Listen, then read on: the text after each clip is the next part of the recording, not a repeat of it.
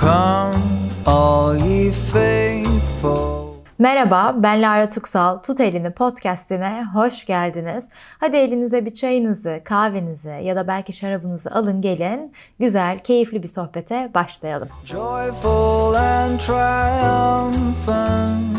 Come ye, come. Bugün sizlerle 20-30 yaş arası geçilen dönemden biraz konuşmak istiyorum. Bu şu anda benim ve arkadaşlarımın aslında içinde bulunduğu süreç. Ve bu süreç bizim aslında bir ailenin küçüğü yani küçük çocuğu olmaktan büyük olmaya yani yetişkin olmaya geçtiğimiz süreç. Yavaş yavaş aile artık sana destek olmaktan hem maddi hem manevi çekilmeye başlıyor. Sen kendi kendine kalıyorsun e, ve o korumacı hayattan çıkıp artık gerçek hayatla yüzleşmeye başlıyorsun. Bu birazcık da hani o küçükken büyükler deriz. Bizim o küçüklükten o büyükler grubuna geçiş dönemimiz ve o dönemin sancıları. Bu ailenin manevi destek olma kısmını da birazcık açmak istiyorum aslında. Büyürken e, hep biz büyüklerimizden destek alırız. Bir şey oldu mu onlara koşarız. Onlar bize yol gösterirler. Dediğim gibi biz grubun küçükleriyizdir. Ve bir şekilde aslında sırtımızı birilerine dayarız. E, bu anne baba olabilir veya kimisi için teyze, dayı, kuzen veya annenin bir arkadaşı vesaire herhangi birisi olabilir. Fakat bu yetişkinliğe geçiş sürecinde aynı zamanda bizim büyüklerimizin de yaşlanmaya başladığı ve artık yavaş yavaş geriye çekildikleri dönem. Artık üniversiteyle beraber başlıyor bu süreç ve e, bu da duygusal olarak bizim üzerimize çok büyük bir yük bindiriyor. Ve bununla beraber de aslında gerçek bireysellik başlıyor. Ben geçen sene mesela dedemi kaybettim. Ve dedem benim için böyle kocaman sırtımda e, sırtımı yaslayabildiğim biriydi. Ve benim bedenimde de böyle sırt kısmımda bir direk figürü olarak her zaman vardı. Sanki benim o omurga kısmım hani sırtımın arkası böyle o direk e, hissi benim içimde dedemden vardı. Son birkaç senedir dedem zaten hastaydı ve fiziksel olarak benim hayatımda arkamda değildi. Ama onun vefatıyla beraber e, benim içimdeki o sırt kısmında yaslandığım o çok büyük direk sarsıldı ve daha yıkıldı. E, ben şimdi onu yavaş yavaş geri inşa etmeye çalışıyorum. Hatta geçenlerde bir rüya gördüm. E, ilk benim yaşadığım evde biz anneannem dedem hep beraber yaşardık. O evin kapısından ben çıkıyorum ve karşımda merdivenlerin altında böyle dedem var. Bir arabanın içinde. Araba da Şimdi tabii ben araba markalarını, modellerini çok bilmiyorum ama sanki Chevrolet diyesim geliyor. Böyle hani eski arabalar, üstü açık böyle hani Türk filmlerinde olur. Böyle klasik model arabalardan. Öyle bir arabanın e, içerisinde oturuyor. Arabada böyle çok tatlı bir pembe, hani benim çocukluğumun pembesi. Dedem de e, sürücü kısmında değil de sürücünün yan koltuğunda oturuyor. Tek elini de sürücü kısmına doğru böyle e, kolunu uzatmış. O arabalarda hani ortada vites olmaz tamamen böyle oturma kısmı boştur ya. O şekilde böyle sürücü koltuğuna dönük oturuyor. Ve ben böyle merdivenlerin başındayım. Tepeden bakıyorum. Dedem de bana böyle eliyle işaret edip gel kızım diyor sana araba aldım. Ben de diyorum ki dede olur mu hiç işte yapma zaten bu araba manuel ben bu manuel arabayı hayatta kullanamam ee, işte otomatik kullanabilirim işte nasıl geleceğim nasıl kullanacağım dedem de diyor ki gel Gel otur. Sonra arabaya biniyorum, oturuyorum. Arabaya bir bakıyorum. Araba aslında manuel değil, otomatik. Ve normalde hani benim bilgim dahilinde, hani benim bilinçaltı rüyam olduğu için bilgim dahilinde o arabalar otomatik olamıyor. Sadece hani manuel olabiliyorlar ama hani dedem onu olmayan bir şeyi benim için oldurtuyor.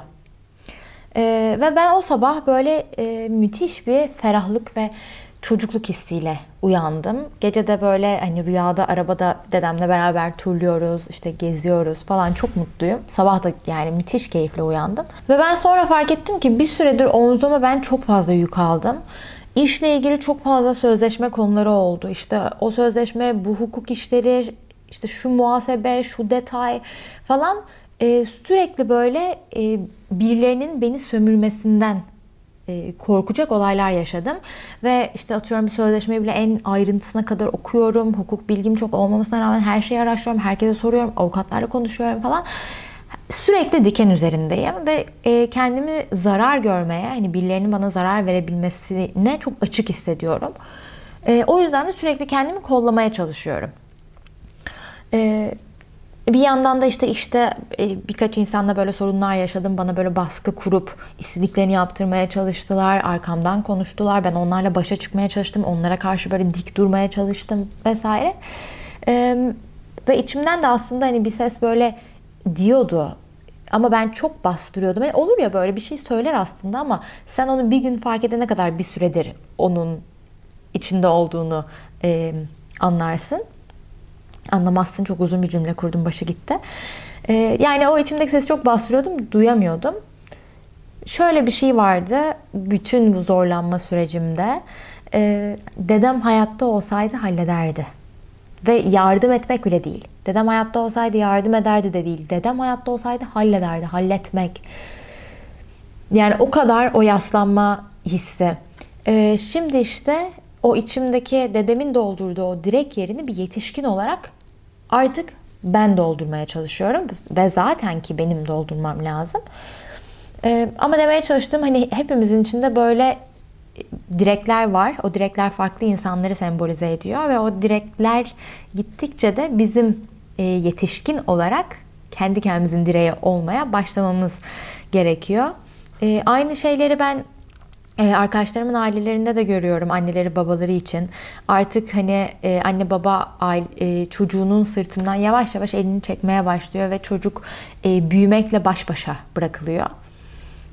Geçen gün ben İki tane anksiyete atağına şahit oldum. Size bunlardan bahsedeyim. Ee, bir tanesi e, son bir senedir ailesinden maddi ve manevi hiçbir destek almayan bir arkadaşımın e, yaşadığı bir atak. Ee, dediğim gibi işte hiçbir destek almadan yaşıyor ve inanılmaz zor şeyler atlattı. Ee, gerçekten çok zor şeyler atlattı. Hepsini de hani gördüm, şahit oldum ve öyle bir kriz geçirdi ki böyle nefes alamıyor, ağlıyor e, ağlarken Lara çok korkuyorum, çok korkuyorum diye bağırıyor. E, yetişkin olmak çok zor, işte çok zormuş yetişkin olmak, bunu kaldıramadım galiba ben vesaire diye böyle e, hani hıçkıra hıçkıra bir yandan ağlıyor, bir yandan haykırıyor ve diyor ki yani tabağımda o kadar çok fazla şey var ki ben sadece bir gece huzurlu uyumak istiyorum. Yani sadece bir gece huzurlu uyumak istiyorum ben de diyorum işte neyden korkuyorsun falan. Orada hani işte o korku öyle bir şey ki yani gerçek bir neyden korktuğu yok ama o kadar hani yetişkinlik ve her şeyle başa baş etme yükümlülüğü onda ki o böyle genel bir korku. Yani bu e, yaşlardaysanız o korkuyu elbet ki anlamışsınızdır. Bir dönem böyle yaşamışsınızdır diye düşünüyorum. Bir diğer şahit olduğum e, atak ise benimki. Benimki anksiyete atağından ziyade daha çok böyle sinir krizi gibiydi. Ee, o kadar çok böyle yapmam gereken şey vardı ama o kadar çok artık benim e, böyle beynim e, onu kaldıramıyordu ki sanki beynim patladı ve küçücük şeyler bile hani hayatın içinde küçük şeyler bile bana ağır gelmeye başladı ve ben oturup deliler gibi ağladım. E, ve Baran'a hani diyorum ki hani ne olur e, şu an hani köfteyle bütün sen ilgilen köftenin sorumluluğunu al. İşte ben şu an hani bir dakika bile bir sorumluluğum olsun istemiyorum. Hani bu akşam hiçbir sorumluluğum olmasın sadece ayaklarımı uzatayım ve televizyon izleyeyim ve hiçbir şey düşünmeyeyim. Ne olur ne olur sorumluluğum olmasın diye böyle e, bir kriz modundayım. Olayın yani aslında benim e, köfteyle de alakası yok. Tamamen ben o kadar ayrı taraflardan bu bahsettiğim işte iş konularından falan filan böyle bunaldım ki işte hayatımın küçük zevk aldığım anları bana yük gibi gelmeye başladı. Ee, ve bu bana şunu düşündürttü. Ee, evet büyümek, işte sorumluluk almak ve gerçekten yetişkin olma süreci zor ve sancılı. Ve biz de bunun içinde boğulabiliyoruz bu 20-30 yaş arasında bu tarz krizler yaşanabiliyor. Aslında hep yaşanabiliyor tabii. Ee, ama bu krizler geçici ve kesinlikle gerekli de bir süreç. Çünkü insan ancak sancı olduğunda büyüyor. Ee, yani çocukları düşünün. Çocuk bile fiziksel olarak büyürken ilk başta kemikleri ağrıyor ve bir sancı çekiyor. Psikolojik büyümek e, bundan çok daha sancılı bir süreç. biz de hani onun sancılarını çekiyor oluyoruz. Ve bunun tabii ki de daha da ilerisi var. Hani belki siz şu an daha ilerisindeki noktadasınızdır. Bana Instagram'dan yazabilirsiniz. İşte aile kurunca, çocuğun olunca onun bakımı, okulu, çamaşırı, artı zurttu. Bir yandan işte e, başka sorumluluklarım var. Gitgide yetişkinin omzundaki işler de artıyor. Bir yandan da hani eğer çalışan bir anneysen e, onun ayrı bir yükü var ya da bir baba figürü olarak aslında hani omzuna aileye bakma yükleniyor. Hani bir e, erkek sende bu olay erkek tarafından da düşünülünce hani ayrı bir yükümlülük ekleniyor. Bir de buna ek olarak başka bir konuyu daha ele almak istiyorum. Buna böyle bağlantılı. Bu 20-30 yaş arasında yetişkin olma dönemi olurken bir taraftan bir şey daha oluyor. O da başarılı olma kaygısı ve bir işi tutturma endişesi. Ben bunu daha çok kendini kanıtlama gereği duyan arkadaşlarımda görüyorum. Ben de bunlardan bir tanesiyim. E, kanıtlama gereği duymayan çocuklar yani daha böyle onaylanarak ve o şekilde e, değerlerini başarıyla biçmeyi e, düşünmeyen çocuklar da bunu çok görmüyorum. E, kendi kanıtlama gereği duymayan çocuklar, işte değerlerini başarıyla ölçmeyen çocuklar o kadar da böyle sanki bu kaygıyı çekmiyorlar gibi geliyor. Mesela benim bir tane arkadaşım var, e, bir iş yeri açtı ve kız çok güzel güzel çalışıyor.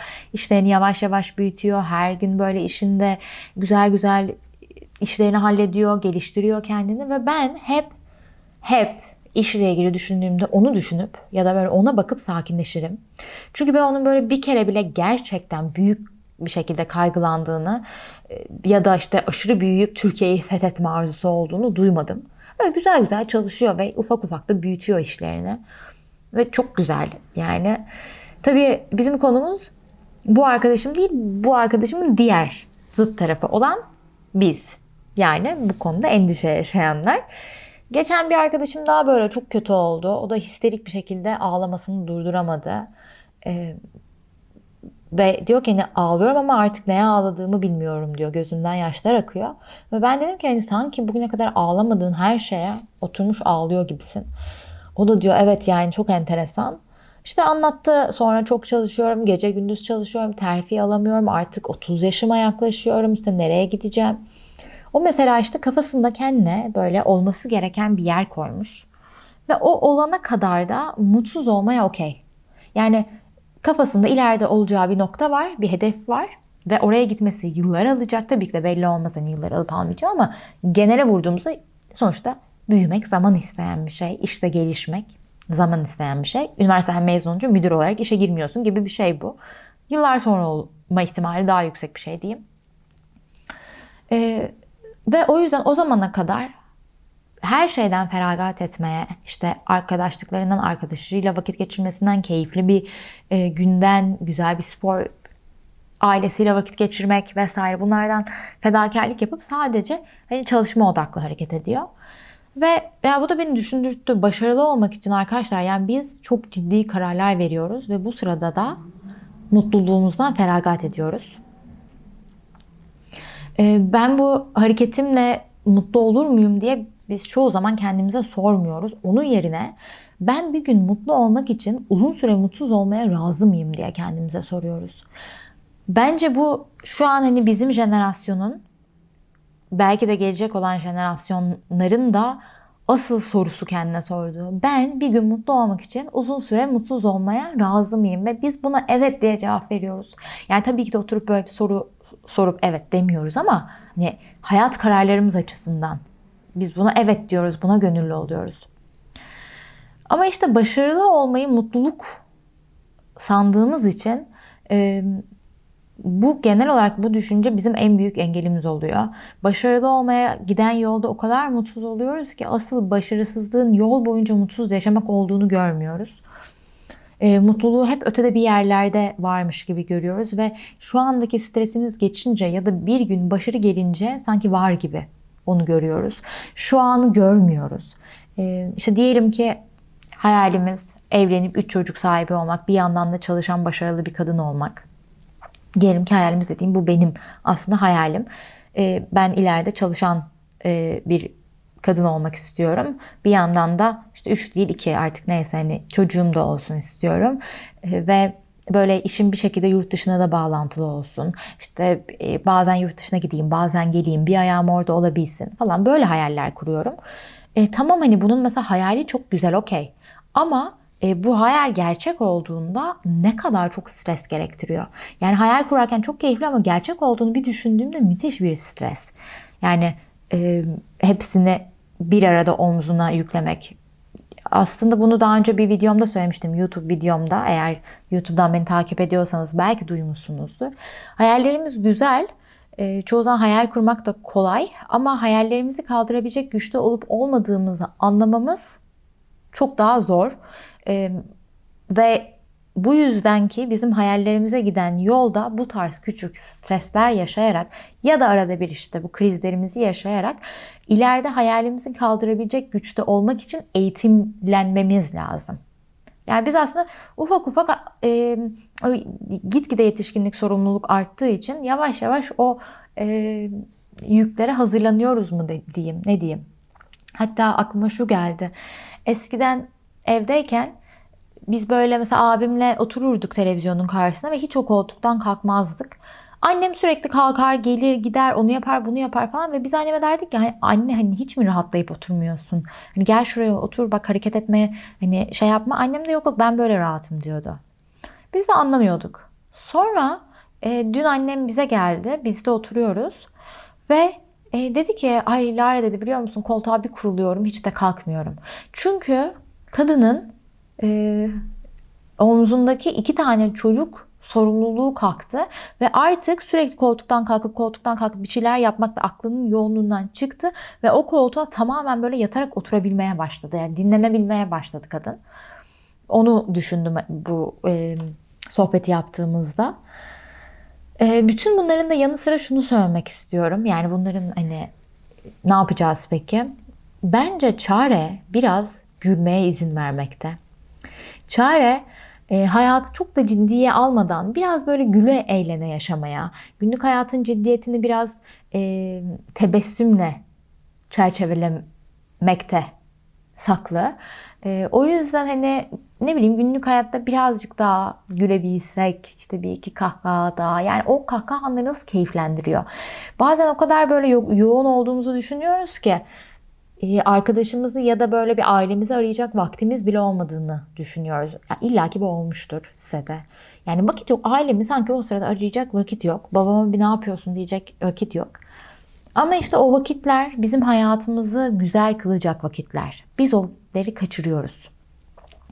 E, çoğu zaman da hayatımızdan çok aslında bizim kafamız yoğun oluyor.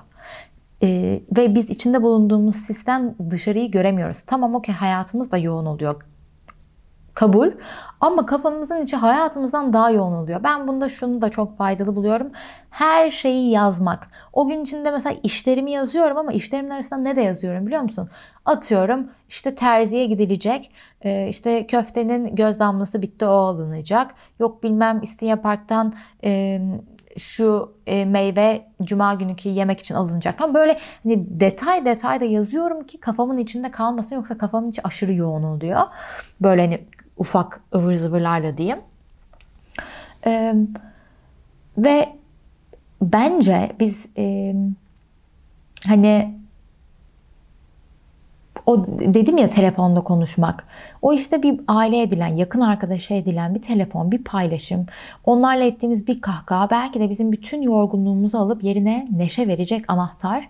Biz onu pek göremiyoruz ve gerçekten de bana hep öyle oluyor. Mesela o babamı arayayım örneğinde. Bir babamı arıyorum, bir sesini duyuyorum, bir güzel güzel açıyor falan bir keyifleniyorum. Ya da bazen işte akşam diyorum ki ay çok yoruldum bugün sadece televizyon izleyeceğim diyorum. Onun yerine e, en yakın arkadaşımı arıyorum, FaceTime yapıyoruz. Yani müthiş keyifleniyorum. Hani o işte hayatın neşesi geliyor. Bir gülüyoruz, bir iki laflıyoruz falan. Ee, böyle bizler neşeli, hayat dolu ve canlı olmak için aslında yakın ilişkilere de çok muhtacız. Ee, ama ne hikmettir ki yoğun hayatlarda bizim en çok ihmal ettiklerimiz yakınlarımız oluyor.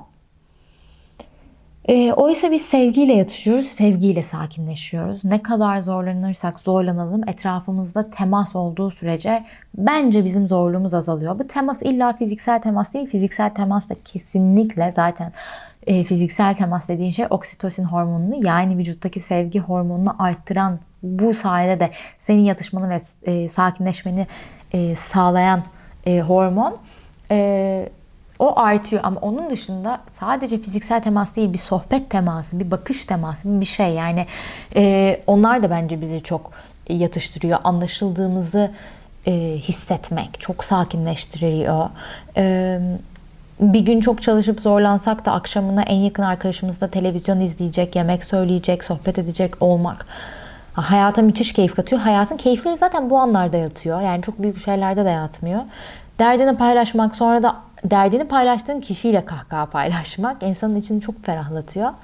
Ee, ve bence bütün bunlar insana tüm zorlukları aşması için yakıt oluyor. Dün akşam e, Baran halı saha maçına gitmişti. Baran benim erkek arkadaşım bu arada. Ee, sonra akşam eve geldi. Ben de koltukta uzanmış böyle yatıyordum ama kafam da doluydu. Sonra Baran'a dedim ki ay dedim rahatlayamadım kafam dolu. Baran da böyle beni tanıdığı için dedi ki Laruş dedi e, işte ben seni herkese her şeye tercih ederim. E, sen çok başarılı olacaksın. Zaten çok da başarılısın. Olduğun yolda devam et. E, hani çok iyi gidiyorsun. Hayatından keyif almaya bak. Anneannem de geçen gün çok güzel böyle söyledi. Böyle dedi. Allah'ın lütfu. Öyle diyor. Allah'ın lütfu. Sen diyor elindekileri keyfini sür. Çalışmaya devam et. Her zaman daha güzelleri olur. Merak etme. Çok güzel yani bu sohbetleri edebilmek, bunları insanların söylemesi, insanlardan yardım almak. Yani bunlar müthiş rahatlatan, müthiş hayatı yani daha e, böyle yumuşak mı diyeyim, yumuşak da demek istemiyorum ama sakin bir mental yerden yaşamamızı sağlayan şeyler yani yakıtlar. O yüzden sevdiklerimizle etrafımızı çevrelememiz ve hayatta keyif aldığımız şeyleri de öncelik haline getirmemiz bence müthiş önemli. Ee, Hani mesela işte bir yürüyüşe gitmek, sabah erken kalkıp o soğuğun yüzüne vurması, eline kahveni alman. Mesela sabah erken kalkmak çok üşendirici geliyor. Diyelim ki işe gidiyorsun işte 9'da olman lazım. Yani şimdi 8'de kalkmak varken sen neden 7'de kalkasın diye düşünüyorsun. Kalkamıyorsun da yataktan yani böyle zaten bütün gün dışarıda olacağım diyorsun ama o 7'de kalkıp da yürüyüşe gidersen zaten bütün günün enerjisi daha farklı geçiyor. Ya da işte hafta sonu bir ailenle kahvaltı yapmak, o sıcak sohbetler, arkadaşlarınla bir kahve ya da kitabını alıp yatağa uzanmak. Ben bazen hiç kitap okumak istemiyorum. Diyorum ki öf diyorum şu anda da kitap falan okuyamayacağım. Sonra kitabı alıp yatağa uzanıyorum. Çünkü biliyorum ki o kitap beni rahatlatacak. Instagram'a bakmaktansa. Gidiyorum böyle bir ilk sayfa zorla okuyorum. Sonra bir bakmışım bir saat geçmiş, iki saat geçmiş ve ben müthiş bir şekilde o hani e, sempatik sinir sisteminden e, parasempatik sinir sistemine doğru böyle geçiş yapmışım. E, ya da işte duşta böyle sıcak suyu hissederek duş almak, başına kendi başına masaj yapmak falan. E, çünkü insan hayatın bu kısa molalarında yaşamak için enerjisini depoluyor. O yüzden ki e, bu molalara ihtiyacımız var. E, bence kendimizi bu molalarla ödüllendirdiğimiz ve sevdiklerimizle çevrelediğimiz kadar bu 20-30 yaşların stresi de biraz bir nebze olsun azalabilir. Zaten tamamen azalmasın konuştuğumuz gibi oldukça gerekliler. Dinlediğiniz için teşekkür ederim. Umarım iyi gelmiştir. Birazcık inşallah siz de yatışmışsınızdır. E, beni YouTube'dan ve Instagram'dan takip etmeyi unutmayın. YouTube'a haftada iki video yüklüyorum. E, Instagram'dan da hayatımı paylaşıyorum. Dilerseniz her ikisinden de beni takip edebilirsiniz. Aşağıya linklerini de bırakıyor olacağım. Dinlediğiniz için çok teşekkürler. Hepinize öpüyorum.